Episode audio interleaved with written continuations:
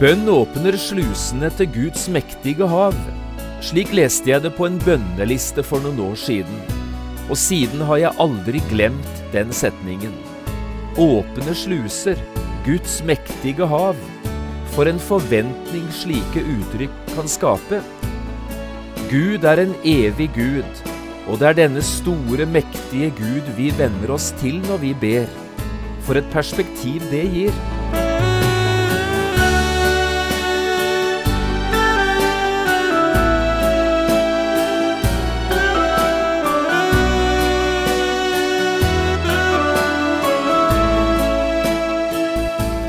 Hjertelig velkommen til et nytt program i serien Vindu mot livet. Programmet er produsert av Kristen Riksradio og blir ledet av Jon Hardang. Kristen Riksradio drives av frivillige gaver. Vi er glade for din støtte.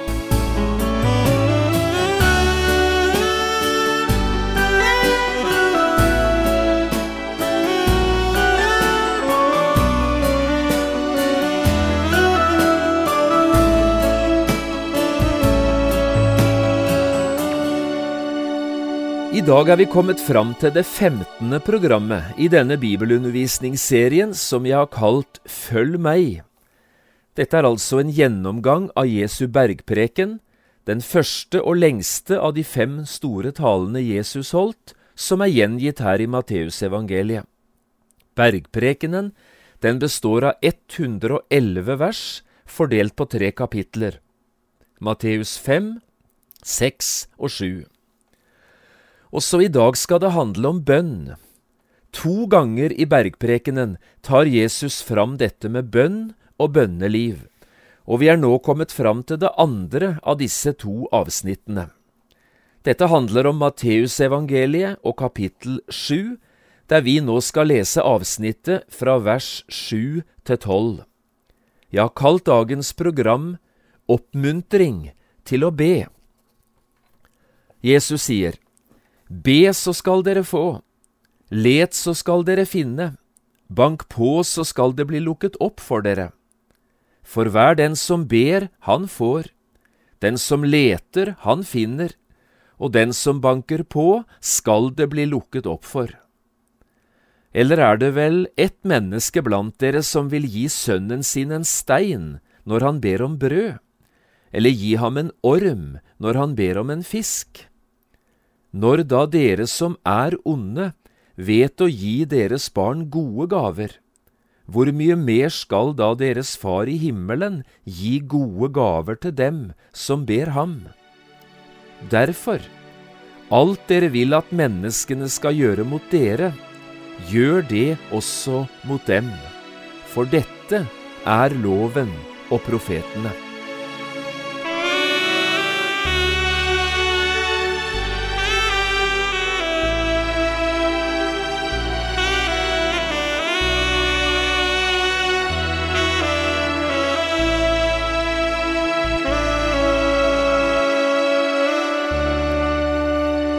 Bønn åpner slusene inn til Guds mektige hav. Slik leste jeg det på en bønneliste for noen år tilbake. Dette var første gangen jeg så den setningen, og jeg har siden aldri glemt den. Bønn åpner slusene inn til Guds mektige hav.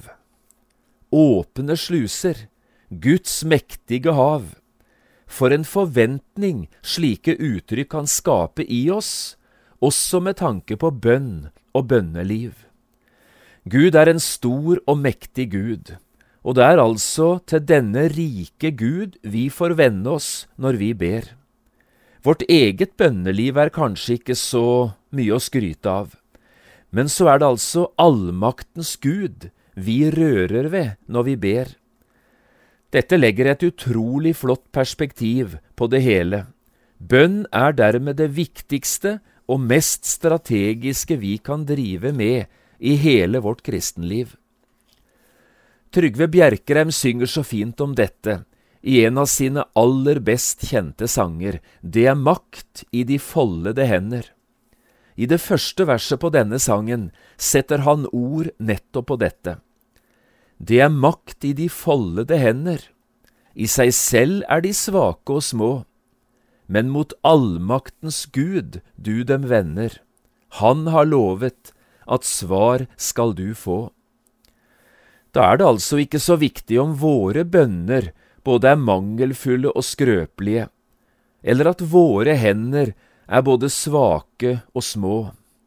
Det er jo den evige, mektige Gud vi får lov å røre ved, og hans muligheter er i motsetning til våre uten grenser. Også om vi kan bruke ord som håpløst og umulig om den situasjonen vi befinner oss i, Guds hender er både mektige og sterke. Kan du ikke prøve å ta denne tanken med deg i dag, også inn i møte med det vi nå skal snakke om? Våre hender kan være små og svake, men hans hender, de er sterke og mektige. Bønn åpner slusene inn til Guds mektige hav. Og dermed er overskriften i dag relevant. Oppmuntring til å be. Det var hensikten med det vi nå snakker om. Det er altså Jesu bergpreken vi fortsatt har foran oss. To ganger i løpet av denne flotte talen av Jesus tar han fram dette med bønn. Den første gangen er i kapittel 6, i avsnittet fra vers 5 til 16. Det har vi snakket om tidligere i denne serien. Her snakker Jesus like mye om hva bønn ikke er, som hva bønn egentlig er. Den andre gangen, det er her i kapittel 7, i versene 7 til 12, altså det avsnittet som vi nå har lest sammen. Her får vi ikke høre ett eneste ord om hva bønn ikke er.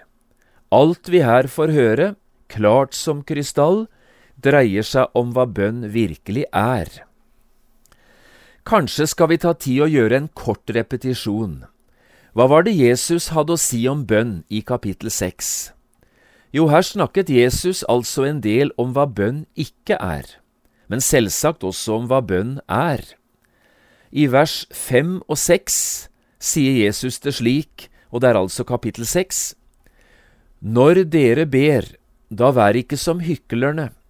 De vil gjerne stå i synagogen og på gatehjørnene og be, for å vise seg for folk. Sannelig sier jeg dere, de har fått sin lønn. Men du, når du ber, da gå inn i ditt lønnkammer og lukk din dør, og be til din far som er i lønndom. Og din far som ser i det skjulte, skal lønne deg i det åpenbare. Hva er det Jesus her sier? Jo, han sier, bønn er ikke noe du skal bruke til å imponere andre mennesker med. Jesus advarer oss her i kapittel 6 mot å ligne på hyklerne, altså det å opptre som skuespiller når du ber. Du stiger opp på podiet, du ikler deg en rolle, du gjør deg rett og slett til, du gir deg ut for å være noe annet enn det du egentlig er. Også slik kan du oppføre deg når du ber. På Jesu tid fantes det mennesker som oppførte seg akkurat på den måten. De stilte seg opp på synlige steder, i synagogen og på gatehjørnene, for å be. Og begrunnelsen de hadde, det var at de på denne måten kunne være med å påvirke andre, slik at også de fikk lyst til å be. Men resultatet ble ofte det stikk motsatte. Det ble falskneri og hykleri i stedet for bønn. Du skal ikke bruke bønn på den måten, sier Jesus her. Og i stedet underviste han disiplene sine om lønnkammeret. Dette skjulte rommet der Gud vil være til stede og møte den som ber. Lønnkammeret er stedet bak stengte dører, adskilt fra mennesker, men helt nær Gud. Her, sier Jesus, kan Guds barn snakke fortrolig med sin himmelske Far, og Gud, som er i det skjulte, og ser i det skjulte, han vil lønne den som ber i det åpenbare. Men hovedpoenget er dette, bønn er fortrolig samtale mellom barnet og den himmelske Far. Videre i kapittel seks leser vi disse ordene. vers 7-9. Når dere ber, skal dere ikke ramse opp mange ord like som hedningene. De tror at de blir bønnhørt når de bruker mange ord. Vær ikke som dem, sier Jesus, for deres himmelske Far vet hva dere trenger til før dere ber ham. Slik skal dere da be. Og så lærer Jesus disiplene sine bønnen Fader vår. Hva er summen av det Jesus her sier? Ja, heller ikke her tror jeg det er vanskelig å få øye på hovedsaken. Bønn er ikke noe du skal bruke for å imponere Gud med. Jesus snakker her om hedningene. Dette er mennesker, sier Jesus, som ikke kjenner den levende Gud, og som derfor dyrker avgudene. Hadde de kjent den levende Gud, da hadde de ikke bedt på den måten de nå gjør. Hedningene tenker nemlig på følgende måte, jo lengre jeg ber, jo flere ord jeg bruker, jo større er mulighetene for å få et godt bønnesvar. Nei, sier Jesus, det er ikke slik det er. Bønn er ikke å produsere en masse ord. Bønn er det stikk motsatte. Bønnen er vissheten om at jeg har en far i himmelen som vet hva jeg trenger til, også før jeg begynner å be. Og likevel skal jeg altså be, sier Jesus. Men da er det fordi dette er måten, dette er den riktige måten å lukke Gud vår Far innenfor egne dører på, inn i de mange behovene som jeg har i livet. At Jesus så, nettopp i denne sammenhengen lærer sine disipler å be Fader vår, ja, det understreker akkurat det samme. Fader vår består jo ikke av veldig mange ord, men en mer ordknapp og samtidig fullkommen bønn har aldri vært bedt i denne verden. Dermed er Fader vår mønsterbønnen. Her favner Jesus alt.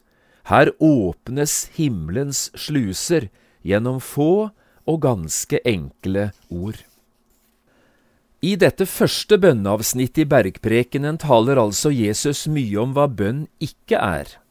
Men her i kapittel sju, i det avsnittet vi nettopp har lest sammen fra begynnelsen i dag, møter vi det motsatte. Her taler Jesus bare om hva bønn virkelig er. Jesus snakker fortsatt om sin gode far i himmelen, og han beskriver Gud som en Gud som både ser og som elsker alle sine barn, og som gjør alt som står i hans makt for at barna skal ha et både godt og rikt liv, også her på jorden, og som har mer enn nok av gode gaver å gi til sine barn, om de bare ber han om det. For Gud, sier Jesus, vår gode Far i himmelen, er en stor og rik Gud. Slik beskriver Jesus altså sin far i bergprekenen. Og helt konkret bruker Jesus nå tre flotte uttrykk for å lære oss hva bønn virkelig er. Jesus går i gang med å oppmuntre oss til å be. La meg nå få lov å ta fram disse uttrykkene, ett for ett. Jeg synes dette er en utrolig klangfull og vakker oppmuntring til bønn, den Jesus her kommer med. La meg enda en gang få lov å sitere noen av ordene. Be, så skal dere få. Let, så skal dere finne. Bank på, så skal det bli lukket opp for dere. For hver den som ber, han får. Den som leter, han finner, og den som banker på, skal det bli lukket opp for. Be, så skal dere få. Dette er det første Jesus sier. Be. Dette ordet betyr egentlig å bønnfalle, eller rett og slett å tigge. Bønn er altså den fattiges rett hos Gud. Bønn er tiggerens eneste mulighet. Jeg vet ikke hvordan du har opplevd livet den siste tiden. Du har kanskje opplevd både rike og gode dager, med liv og med overflod. Du både vet og har personlig erfart alt det en kristen virkelig har å glede seg over. Du har ofte jublet og lovprist Gud. Men kanskje har du også opplevd det stikk motsatte. Du har kjent deg tørr og fattig svak og tom, slik en sanger beskriver det. Det var noe som gikk galt, eller noe som gikk tapt. Du hadde det så bra tidligere, men så mistet du det hele. Du gikk åndelig konkurs, og resultatet ble slik at du nesten føler at livet ligger i ruiner. Også slik kan en kristen oppleve det. Jeg vet ikke hvordan du har det akkurat i dag, men nå er det i alle fall en stor og rik Gud som inviterer deg, som oppmuntrer deg og sier be, så skal du få. Og så legger Jesus til, for hver den som ber, han får.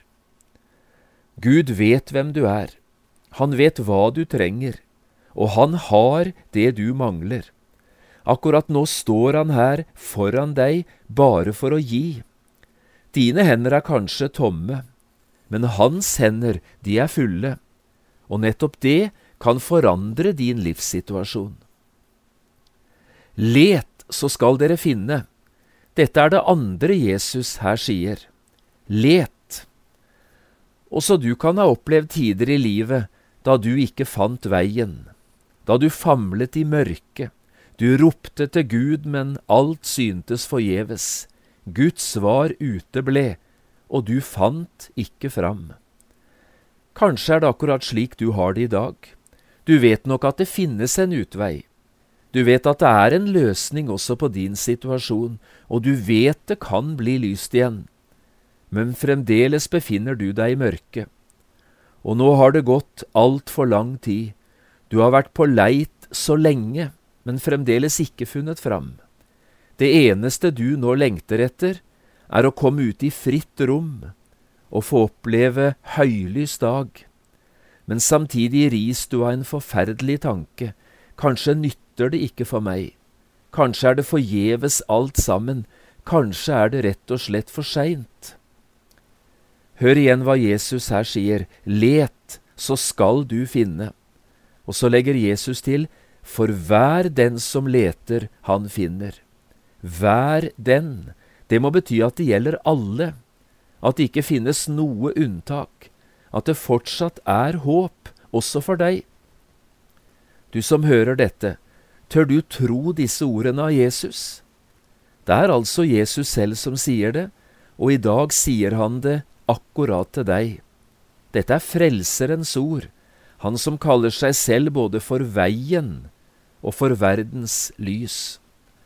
Og ikke glem, Jesus vet selv veldig godt hva det er å leite. Han er den gode og store hyrden som stadig er ute på leiting etter slike som rotet seg bort, og det er det kjæreste han eier dette gjelder, dyrebare menneskebarn. Det er han som akkurat i dag oppmuntrer deg og sier, Ennå er det håp, ikke gi opp, du skal snart finne fram, bare fortsett å lete, fortsett å be. Bank på, så skal det bli lukket opp for dere. Dette er det tredje uttrykket Jesus her bruker. Bank på. Iblant kan vi oppleve at alt føles stengt. Vi ser ingen åpning i situasjonen ingen løsning på problemet. Det er intet lys i tunnelen, alt synes bare lukket og låst. Slik har du opplevd det, slik har jeg opplevd det. Noen ganger kjenner du deg helt utenfor, eller kanskje til og med utestengt. Du ville så gjerne vært der inne, i varmen, sammen med de andre, men du er fremdeles utenfor, i kulden og i mørket. Andre ganger kan du kjenne deg utestengt. Andre ganger kan du kjenne deg innestengt. Du opplever det omtrent som å være i et fengsel. Du er bundet og ufri. Du har lengtet etter å bli fri, du har bedt og du har ropt, men det er ingen som svarer.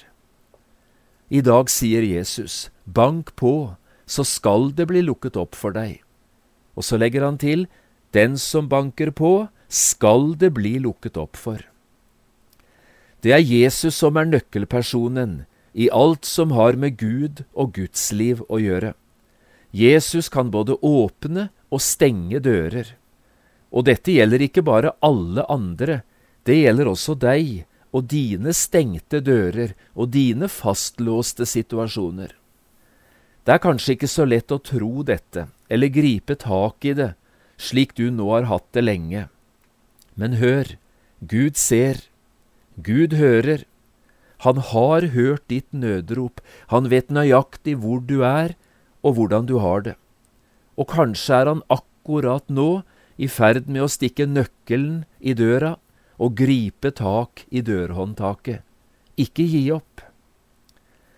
Kan du ikke prøve å ta dette til hjertet i dag? Oppmuntringen Jesus her kommer med, det nytter å be. Og la også meg som en siste oppmuntring i dag få sitere de nydelige ordene av Jesus som han nå fortsetter med. Er det vel ett menneske iblant dere som vil gi sin sønn en stein når han ber om brød? Eller gi han en orm når han ber om en fisk? Når da dere som er onde, vet å gi deres barn gode gaver, hvor meget mer skal da deres Far i himmelen gi gode gaver til dem som ber Han? Jo, det nytter å be. Bønn åpner slusene inn til Guds mektige hav. Og så legger Jesus til, som en avslutning på sin undervisning om bønn. Derfor, alt dere vil at menneskene skal gjøre mot dere, gjør det også mot dem. Den gylne regel kaller vi ofte disse ordene, og det er kanskje både uventet og overraskende at Jesus avslutter sin undervisning om bønn på denne måten. Men tenk deg litt om. Derfor, sier Jesus, og hans tanke er dette, fordi du har en slik god far i himmelen, som uten betingelser og forbehold elsker sine barn, og som gjør alt som står i hans makt for å trøste og lede, styrke og velsigne. Fordi Gud har vist seg å være en slik god far for deg, kunne ikke du nå prøve å gi litt av denne kjærligheten videre til andre? Forsøk å være mot andre slik du vil at andre skal være imot deg. Det ville være en fantastisk frukt av din fortrolige omgang med Gud. Slik du møter Han i lønnkammeret, at du går ut i hverdagen og er mot andre slik Jesus har vært imot deg. Kanskje er det noen du nå skal prøve å være far for, eller mor for Kanskje er det noen du skal prøve å være en bror for, eller en søster for. Kanskje er det noen der ute du skal få være en god medvandrer sammen med. Én ting er i alle fall sikkert. Også i dag er det utrolig mange som trenger det.